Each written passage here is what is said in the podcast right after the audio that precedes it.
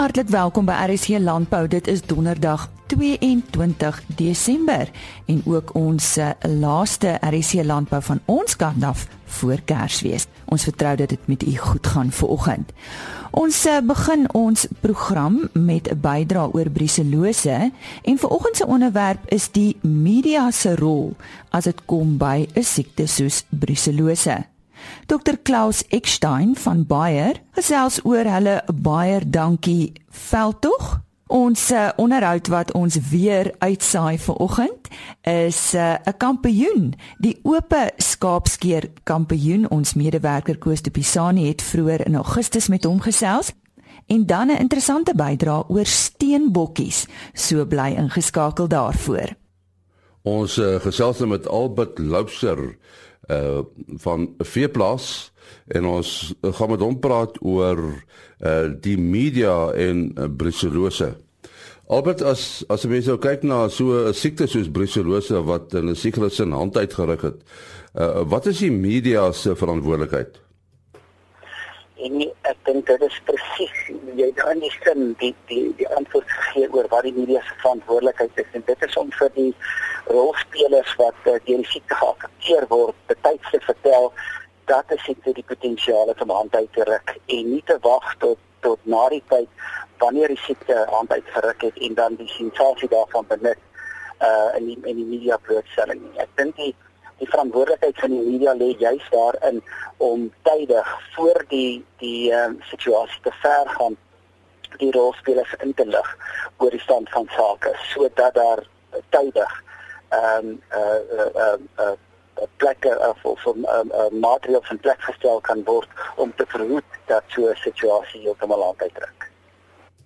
Maar as jy mens nou kyk hoe die siekte nou deesdae kop uitgesteek het, uh, lyk dit vir my of die media in 'n sekere sin sal moet aanhou om mense te waarsku. Ja, absoluut. Ek dink en as mens miskien een stapie terug gaan en ons kyk na die die die hele situasie van van biosekuriteit in Suid-Afrika ehm um, uh, sonder om nou enigstens negatief te klink, uh, is daar amper iets van van die ou grappie oor wat uh, Zimbabwe gebruik het um, vir energie voor kerskrag en dan sê die grappie mos elektrisiteit wat uh, op sinne speel dat hulle agteruit gaan en nie vorentoe gaan nie. Kom dit by biosekuriteit as ek bevrees is dit by ons ook waar En ek dink een van die redes is dat in die transformasie van baie van die departemente en die die instellings uh, was daar groter fokus op die die transformasie dan self en die politieke konnektasie daaraan as die die resolusie en hoekom dit belangrik is. Suid-Afrika was op 'n op 'n spesifieke stadium uh hier in die 80er jare 70er 80er jare een van die voorste lande in die wêreld in terme van sekuriteit en dit sluit nou baie ander siektes anders as net brucellose in. Uh, ek myself was uh, in daardie jare veldbeampte by 'n melkkoper en as ek net dink hoe streng ons was op op 'n um, uh, brucellose en en tuberkulose en ons gekeer het dat dit nie moet uh, um um uh, uh, uh, uh, in in in die stelsel ingaan nie. Dit was 'n baie groot deel van van ons werk en dit wat ons gedoen het. En as ek net kyk uh selfs in later jare hoe sag uh melkkopers en die die uh, uh verskillende autoriteite daarop geraak het, dan is dit regtig 'n uh, stap in die verkeerde rigting. Nou, ek dink die rol van die media hierin sou gewees het om objektief sonder om dit 'n politieke kleurtjie of geurtjie te gee objektief die risiko's te kommunikeer aan die verskillende rolspelers om mense so in te lig dat hulle weet uh wat watter risiko's hulle loop indien daar nie uh, gehoor gegee word aan die aan die maatreëls wat ingestel word nie. Nou preselose is miskien nou 'n baie goeie voorbeeld en dit is een van die van hierdie siektes wat uh, direk aan die verbruiker raak. Baie van die ander siektes uh, raak nie noodwendig die verbruiker self so direk nie, dit is meer op die produsente vlak uh wat die wat die impak gevoel kan word. Maar ek dink uh, sou die media op 'n vroeër stadium uh net objektief die risiko's verduidelik het, dan dink ek sou die optrede oor die algemeen meer verantwoordelik gewees het. Uh as jy mense nou dink aan aan die media, jy's nou redakteur van van Veeplaas. Uh as jy mense nou dink aan aan die media en mense dink nou aan 'n sogenaamde veldtog ten opsigte van brucellose, dan het 'n mens die probleem en ek wil vigs as 'n voorbeeld gebruik waar mense eintlik aan 'n sekere sin toegegooi word met inligting en later dan nie meer die boodskap kry nie. Jy jy's absoluut reg. Ek dink eh uh, um, dit word baie gesê dat ons in die sogenaamde inligtingseeu leef maar dat inligting nog nooit so so onbeskikbaar was as wat dit nou is nie. En dan gaan dit nie oor die die massa inligting wat jy byvoorbeeld op 'n Google soek sal kry as jy die onderwerp soos persolosie sou sou intik byvoorbeeld die maar om regtig te weet wat moet jy doen om daardie soort van plan van aksie te hê dat jy weet wat jy kan en wat jy moet doen. En ek dink dit is presies uh waar die media se verantwoordelikheid miskien nog 'n bietjie verder strek.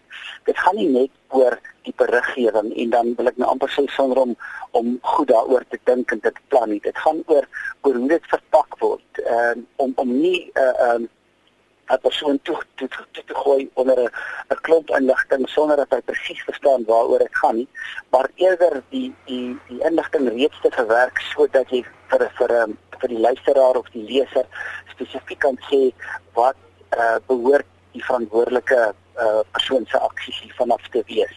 Wat moet hy doen of wat moet hy of sy dan nou nie doen nie.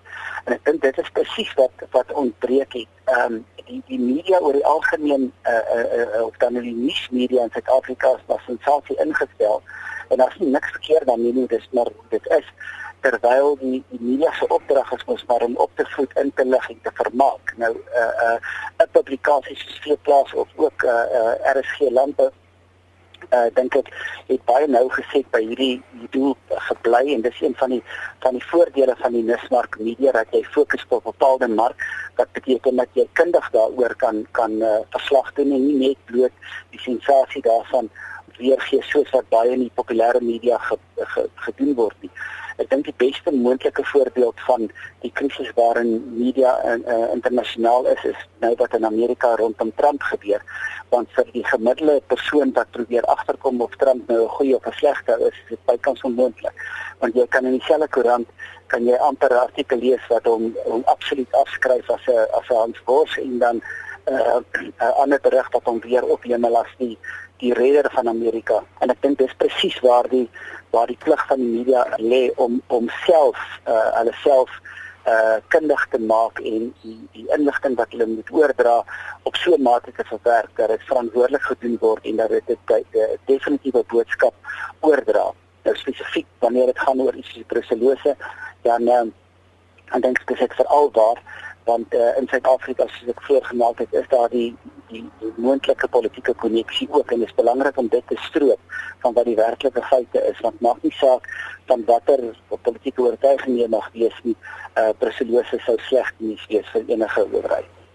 Dit is dan uh, Albert Loubser die redakteur van Veeplas. Baie dieregesondheid het op 1 Julie vanjaar sy beloningsprogram Baie Dankie bekend gestel. Ek gesels nou met dokter Klaus Eckstein, uitvoerende hoof van Bayer Suid-Afrika, oor die innoverende beloningsprogram toegespits op die Suid-Afrikaanse produsent. Dokter Eckstein, goeiemôre. Die Bayer Dankie beloningsprogram is die eerste van sy soort in die landbou en ons is nou bykans 6 maande aan die gang. Kan u ons kortliks net herinner waarvoor hierdie beloningsprogram staan? Ja, goeiemôre almal. Dis lekker om saam met julle te wees vanoggend. Ehm um, ja, dit gaan eintlik om net te praat oor wat gaan aan in ons land. Ons praat oor droogte, ons praat oor die reën, maar ons aanvaar eintlik nie dat dit ook ehm uh, oor gaan oor volhoubaarheid van voedsel. Ons het 54 55 miljoen mense in Suid-Afrika en elke dag kry ons kos. En ons aanvaar nie dan ons eintlik moet dankie sê na die boer toe om te sê dankie om hierdie kos vir ons te gee. Wat dit gaan in die baie dankie kampanje. Nou dis die tyd van die jaar wanneer almal eintlik wil rustig raak alhoewel dit nie soms gebeur nie. En dan reflekteer ons op dit wat gebeur het. Wat sou u sê is sal die boodskap wees in ons boere van ons land waarvoor julle eintlik soveel passie het? Ja, rustig te wees is eintlik moeilik moeilik om hierdie tyd van die jaar. Dit reën. Eh dit gee jou die permit om weer te boer en dinge is aan die gang en dinge moet aan die gang wees. So op die een ding moet ons sê ons moet terugblik en sê dankie en wat ons hierdie jaar bedoel het, dankie vir die reën. Maar die ander ding gaan boerdery aan. En vir ons is dit is dit belangrik om waarde toe te voeg op die plaas. En dit wat dit gaan, ons praat oor genetika van diere, ons praat oor genetika van plante, maar hierdie genetika moet jy na potensiaal omwandel. Um, om meer die die winsgewing van 'n boer te gaan. En dis wat oor wat dit gaan. Ons ontwikkel produkte, ons verkoop produkte wat hierdie gesondheid van diere, maar ook plantbeskerming um, na vore toe bring. Ek wil terugkeer na uh, die beloningsprogram toe. Uh hoe het boere tot dusver gereageer? Is dit so goed soos julle gehoop het? Dis eintlik baie beter gegaan. En die belangrike punt is hierso, ehm jy sit in 'n verhouding met boerdery. En op die oomblik is vir ons is dit vir ons 'n geleentheid om weer met boere in 'n ander kontak te raak en te kyk hoe kan ons hierdie droogte oorkom en hoe kan ons weer water terugsit op julle plaas. En dis hoe wat dit gaan op die oomblik. En uh, vir ons is dit ook die geleentheid om weer kontakte op te vat. En dis hoe wat dit gaan op die oomblik. Die program loop tot Junie aanstaande jaar en daar is nog tyd vir boere wat wil deelneem. Hoe moet hulle te werk gaan? Hierdie program het verskillende dele waar 'n boer kan deelneem. Die beste vir 'n boer is om na die koöperasie toe te gaan en daar regtig uit die kontak op te neem met die baie dankie kampanje en van daar dit verder te vat. Ja, 'n laaste vraag buite in die beloningsprogram. Uh was dit 'n propvol jaar vir Bayer? Uh, watter ander belangrike gebeure was hoogtepunte vir julle gedurende hierdie jaar? Ja, in die landbou is elke jaar eintlik propvol, want elke jaar is anders. En wat ons eintlik wat wat wat wat ons eintlik doen in in in die landbou is op die op die eerste kant is te luister. En uh, luister vir die boer, luister vir die boergemeenskap en om uit te vind wat gaan eintlik aan en waar kan ons met die sterkte wat ons as as, as beheermaatskappy het uh, vir die boere ware toevoeging gee. So dit gaan op die eerste punt is oor inligting. Ja, ons is 'n maatskappy wat oor 100 lande verbrei is. Ons het ondervinding in die landbou en ons wil die ondervinding deel. Maar inligting is ook ehm um, hoe kan jy vinnige inligting op 'n plaas te bring? Ja, wel boere moet besluite vat en die akkuraatheid van die, die inligting is baie belangrik om besigheidsbesluite te vat. Daar is hier tegnologie na die toekoms toe, digitale tegnologie waar ons besig is om om aan te werk. Maar op die ander kant is dit ook die passie wat ons het en dit is nuwe tegnologie wat ons op op die plase bring. En dan moet jy weer sê nou waar begin jy? Ons het klaar oor genetika gepraat wat nou beeste of skape is of saad byvoorbeeld. Maar dan moet jy nou ehm um, produksiefaktore rondom dit opbou. Rondom die saad is die grond, rondom die grond is is die gesondheid van die plant of die gesondheid van die dier wat op die oond moet prestasie gee om winsgewendheid op te stoot. En dan moet jy weer begin om in konsepte te praat waar in die landbou dis nie een faktor, dis baie faktore wat saamspeel. En byvoorbeeld sê jy dan as jy nou weer teruggaan na die na die voorbeeld van die plant, die grond, eh die insekte wat daar is wat die plant wil vreet, die gesondheid van die blare om weer produksie te gee en dan op die ou en die kwaliteit van van daai gewas wat uitkom. Dan moet jy nou oor volhoubaarheid praat. En hoe kan jy vandag sagtige produkte in die mark bring? Wat nog steeds prestasie bring maar wat op die einde ook lanktermyn volhoubaar is. En dan moet jy ook sê lanktermyn, wat bedoel jy eintlik? En dan moet jy altyd met jong mense ook praat. Maar die jong mense is die toekoms vandag. Ons het 'n program wat ons noem die Youth Egg, waar ons mense, jong eh, landboukundige studente nooi om op 'n ander plek van die wêreld ontmoet en planne maak. Nou, hoe kan ons landbou in die toekoms ehm um, berei? Dit was dan die uitvoerende hoof van Bayer Suid-Afrika, Dr Klaus Eckstein. Nou ja, soos ek vroeër genoem het, ons uh, saai vir die volgende week of wat 'n paar onderhoude weer uit wat ons sien as hoogtepunte deur die jaar. Nou op 20 Julie het Philipstown geskiedenis gemaak met die eerste interskou kompetisie tussen jong ooi klubs. Ons medewerker in daardie streek Koos de Pisani het uh, daar gaan kuier. Ons het so 'n tydjie gelede met die organiseerder Diedrik Vermeulen gesels en nou hoor ons van Guillaume Strydom, die oop skaapskeer kampioen. Guillaume Strydom van Philippolis is vir jaar aangewys as die Suid-Afrikaanse skaapskeer kampioen tydens die Bloemfontein skou. En sover bekend is hy die jongste skeerder wat nog die oop kampioenskappe gewen het. Ons het 'n bietjie met hom gesels. Jalom, waar het hierdie belangstelling in die skaapskeerdery nou vandaan gekom? Oom, ek het graad 10 het ek my eie klompie skape gehad wat ek self met die hand geskeer het. En so het ek my liefde vir die skeer gekry en toe ek 2013 toe ek matriek klaar maak, toe ek um, my skeerkursus by die MWKV gedoen en toe direk daarna toe ek by DG Snyman self ingeval met die skeer. Maar ek verstaan jy was al oor see ook gewees met die skeerdery. Vertel my 'n bietjie meer daarvan. Ja, maar ek het 'n jaar vasgewerk by DG wat ek nou my fiksheid opgebou het en my style reg gekry het en bietjie meer ondervinding in die skeer gekry het. Toe ek 2014 Januarie het ek eers keer New Zealand toe gegaan en toe begin hierdie jaar het ek weer gegaan vir 3 maande en ek beplan nou om oor so 2 weke voor ek weer te vlieg New Zealand toe. Nou gaan jy dan net vir 'n uh, kort tydjie of gaan jy vir 'n uh, gaan werk jy vir iemand gaan neem jy aan kompetisies deel as jy nou so Australië en Nieu-Seeland toe gaan? Om ek gaan meestal so toe om te werk om geld bymekaar te maak, maar ek gaan so vir so 3 maande wat ek haar so skeer en so tussenin doen ek maar kompetisies hier na naby plaaslike kompetisies waar daar so is. Nou, dit is 'n 'n seldsame uh, beroep. Is daar 'n toekoms vir vir iemand wat in so 'n bedryf wil ingaan hier in Suid-Afrika? Ja, maar ek sal sê verseker is daar 'n toekoms vir ouetjies want my my my persoonlike plan vir die skeer is om eendag genoeg geld bymekaar te maak om vir my dalk 'n stukkie grond te koop waar ek weer kan aangaan op 'n stukkie grond so so daar is 'n groot behoefte aan aan aan iemand soos jy wat nou 'n uh, 'n uh, professionele skeerder is. Ja, ek sal so dink om die skeerders van vandag raak al hoe minder en dit raak nogals 'n 'n skaars beroep vir die ouetjies. So daar's baie mense wat wat skeerders soek. Dis altyd goed om te hoor dat sulke jong mense ook belê in die landbou. Baie geluk. Dit was Koos de Pisani wat daar gesels het met Guillaume Strydom. Ons uh, gaan nou 'n bietjie gesels oor wildboerdery met steenbokkies. En aan die woord is Henke Maree. Hy is ondervoorsitter Wildbedryf Suid-Afrika se klein wild advieskomitee. Uh hoekom is daar soveel klem op die steenbokkies, uh, Henke? Ons klem van van Wildbedryf Suid-Afrika van die klein bokkie vereniging is is nie net op die steenbokkies nie maar op al die al die dwerg spesies of die of die klein spesies bokkies wat ons in Suid-Afrika natuurlik um, kry wat wat hier voorkom. Um, my spesialiteitsveld is wel nou die steenbokkies. Hulle is vir my die naaste aan die hart. En um, van 94 af is is is ek besig om met hierdie bokkies basies te teel en dit is maar dit is maar my passie, my liefde.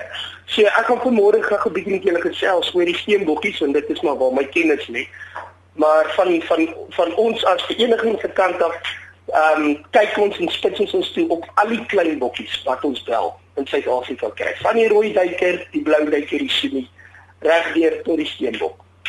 Nou kan jy kan die steenbok in enige habitat kan hy gedei. Weet jy steenbokke is, is is baie aanpasbaar in die natuur. Hulle kom in die meeste van die habitatte in ons land kom hulle wel voor. Ehm um, as jy maar dink van die Noord-Kaap of daar nie in die rooi duine, hulle is hulle is baie volop in daai area en jy kry hulle selfs reg deur die bosveldstreke. Die Vrystaat oopgrasveld areas is baie bekend vir hulle, maar verkieslik, die habitat wat 'n steenbok verkies, is natuurlik 'n oop oop terrein area. Ehm um, daar waar hy eh, omdat hy klein bokkie is, wil hy wil hy van ver af sy sy uh, vyande sien aankom. So hy hou van 'n oop area waar hy uh, 'n wye oog kan gooi. Dit is die habitat wat hy verkies. Uh, jy sê nou die oop area, so die teelkampe uh, moet ook aan spesifieke vereistes voldoen. Ja, nee, die teelkampe wat wat baie mense 'n fout maak. Um vir al die die wildboere in die in die in die in die noord uh, of in die Limpopo streek en Noordwes, die ouens is geneig omdat hulle plase um uh basies baie baie ryk is van die plase. Uh dink hulle die steenbokkies kan hulle 1 hektaar kamp net tussen daai ryk bosse neersit en hulle gaan goed doen wat hulle wel nie doen. Um in die eerste plek is dit belangrik om uh seker te maak van waar of jy jou steenbokkies kry, is dit min of meer dieselfde habitat as waar jy is. Uh jy kan nie 'n bokkie in die Noord-Kaap gaan haal en hom dan in Limpopo in 'n in 'n 1 hektaar kamp gooi en dink hy gaan hy gaan oorleef nie. Die kans dat hy dit nie gaan oorleef nie is 90%. So 'n mens moet jou habitat in daai teelkamp moet definitief manipuleer. Uh, jy moet weet hy oop te nodig so wat wat 'n mens sal moet doen is die eerste stap is om hulle kamp of dit nou 1 hektaar kamp en of dit nou 'n 10 hektaar kamp is maak nie saak nie. Sal 'n mens moet die die habitat manipuleer deur van die bome uit te sny, die gras bietjie korter te sny, um sodat die bokkies 'n bietjie meer oopte um habitat kry in haar kamp dat hulle kan sien wat aangaan want dit dit laat maak hulle meer op hulle gemak. Ek sê altyd 1/3 van die kamp kan 'n mens um 'n bietjie ryger maak, die gras bietjie langer laat groei. Um laat die bokkies dan weet daar's 'n wegkruipplek. As, as hulle skrik fiets kan hulle na die lang gras toe hardloop of selfs hulle lammers daar wegsteek. Maar 2/3 van die kamp moet oop wees. Hulle moet kan sien wat aangaan in en om om hulle kamp en dit maak hulle baie meer op op hulle gemak en dit help met die aanpassing en met die aanteel van hierdie spesies. Nou anders as uh, sogenaamde uh, vlakte diere, tropdiere soos blouwille beeste, zebras en uh, byvoorbeeld rooibokke, uh, die die ehm um, steenbokkies is eintlik maar uh, enkel lopend, nê. Nee. Jy in die natuur definitief, hulle hulle loop in pare waar waar jy dit kan nie met die ander klein bokkies uh, meeste van die tyd sou sien nie. Um soos 'n duiker, hulle hulle is alleenlopers, maar steenbok, hulle is altyd in 'n paartjie. Um hulle hulle paar op lewenslank. Um hulle sal slegs 'n ander maatjie vat in die natuur. Uh sodra iets met die een maatjie gebeur, of uh, as hom na die dood afstaan of uh, vrek of enige iets in daai lyn. Maar sodra mense na teelkamp toe beweeg, moet 'n mens besef ons verander die reëls heeltemal. Um waar hulle in die natuur een op een sou wees as jy in 'n teelkamp 'n rammetjie saam met 2 of 3 oetjies sit wat gelukkig is met mekaar, um gaan daai rammetjie al daai oetjies dek. Um so die reël is nie dat dit een op een in die teelkamp moet wees nie. Dit kan 1 1 op 1 1 op 5 En ehm um, wat ons al uh tot dusver al getoets het en wat wel wel werk tot selfs 1 op 10 werk. Een rammetjie op 10 ootjies, daai rammetjie uh dek elke ootjie. So sodra ons in die teelkamp in beweeg, um, verander die reëls en um, dit is dit is nie 'n normale situasie nie. Dit is dit is 'n kunsmatige habitat wat jy vir hom skep met kunsmatige byvoeding wat jy meer gee as wat in die hy uh, in die natuur um basies sou kon kry. So met al daai um elemente wat wat die situasie beïnvloed, um reageer hulle in die teelkamp natuurlik heeltemal anders. En en uh, natuurlik landtyd is ook dan anders nê nee, as in die natuur. Weet jy wat ons vind wel met die steenbokkootjies, hulle en wat soos ons in Engels noem, hulle synchronise, so op dieselfde tyd uh kom al die oeye min of meer in estrus en die rammetjies sal dan hulle almal almal dek. So hulle lam min of meer almal in dieselfde tyd. Um 'n mens kan verwag te wees in 'n teelkamp waar die kondisies uh, um uh, ideaal is, sal 'n mens kan verwag dat 'n mens so 3 lammers elke tweede jaar van elke ooitjie kan verwag. So maar dit het natuurlik alles 100% te doen met die voeding wat 'n mens op vir hulle gee. En en die mark vir steenbokkies, hoe lyk dit? Die mark vir steenbokkies, ek dink dit is dit uh, ek is baie opgewonde van my kant af um oor die mark vir steenbokke en vir al die al die klein wild in Suid-Afrika. Um die rede hoekom ek dit sê, daar is 'n baie groter mark vir vir wildboere wat wat 'n klein bokkies belangstel as byvoorbeeld um daar 'n mark bestaan vir mense wat of boere wat teel met goed soos 'n swart witfens en 'n buffel. Rede hoekom ek dit sê, vir daardie groter spesies het 'n mens groter oppervlak area, groter teelkampe nodig. En natuurlik is dit 'n is dit is dit 'n baie duur spesies om mee te begin aan die gang kom om te teel. Met die steenbokkies is jy is jy is jy interim prys, die aankoopprys van die bokkies is is laag, die teelkampe is kleiner. Um en dit dit bring selfs die die die die persone wat um of die boere wat kleiner grond het, iets soos 'n 21 hektaar uh plot het, daai klas van dinge. Dit bring hierdie mense in die teen en dit gee vir hulle geleentheid om ook aan die bokbedryf deel te neem. Waar jy natuurlik nou op 'n 21 hektaar plot vir mense kan nie met tot vol steel nie. Dit gaan nie uitwerk nie. So daar's baie meer geleenthede vir hierdie klein bokkies vir die toekoms vir wildboere as as as vir die groter spesies. Juist omdat grond al hoe minder raak, plase raak al hoe kleiner en hierdie bokkies se vereistes is gelukkig klein kampies. Ja, en die gemiddelde prys vir 'n vir 'n goeie gehalte steenbok ram? Kom by 'n goeie gehalte ram, moet ons eers die definisie van 'n goeie gehalte ram kry. Nou, ehm um, die die belangrikste ding is natuurlik DNA. Dit moet dit moet 'n goeie kwaliteit ram wees. Die horings moet moet regtig baie uniek wees, uh, mooi reguit horings, mooi gespasieer van mekaar af en dan natuurlik Roland word op hierdie klein diertjies begin so op 4 en 'n half duim. So hoe naby is moontlik aan 4 en 'n half duim voor dit is 'n goeie gehalte ram op die oog. Maar wat belangrik is wat ek dink die luisteraars moet van kennis neem en vir enige wildboer wat belangstel om in klein bokkies in te klim. 'n Goeie gehalte teelram in 'n teelkamp is 'n bokkie wat kom uit 'n teelkamp. 'n Bokkie wat uit veld gevang is uh soos ons vroeër bietjie gesels het, 90% van die tyd pas hy nie in daai klein kampie aan nie.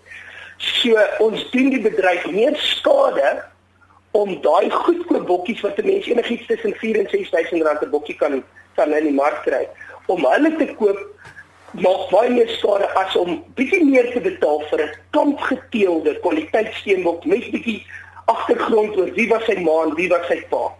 Um vir sulke bokkies, um die algemene pryse in die wildbedryf op die wildveiling wat hierdie jaar en verlede jaar gehardloop het, is enigiets tussen 10000 tot 40000 rand stuk. So dit is wat ons noem 'n kwaliteit steenbok vir 'n teelkamp. 'n Bokkie wat um uit 'n kamp uitkom wat in 'n kamp geteel is. Dit is wat ons sien as goeie kwaliteit. Baie dankie Henke Maree, hy is ondervoorsitter van Wildbedryf Suid-Afrika se Klein Wild Advieskomitee. En daarmee groet ons tot maandagooggend 26 Desember en mag ons ook van die geleentheid gebruik maak om te sê 'n baie baie geseënde Kersfees. Mag hierdie tyd vir u rus en vrede bring. Mag tyd saam met familie en vriende ook vir u baie kosbaar wees. Van my Lise Roberts as ook Henny Maas sê ons totsiens. RSG Landbou is 'n produksie van Blast Publishing. Produksieregisseur Henny Maas. Aanbieding Lise Roberts. En uitskoördineerder Martie Kerstyn.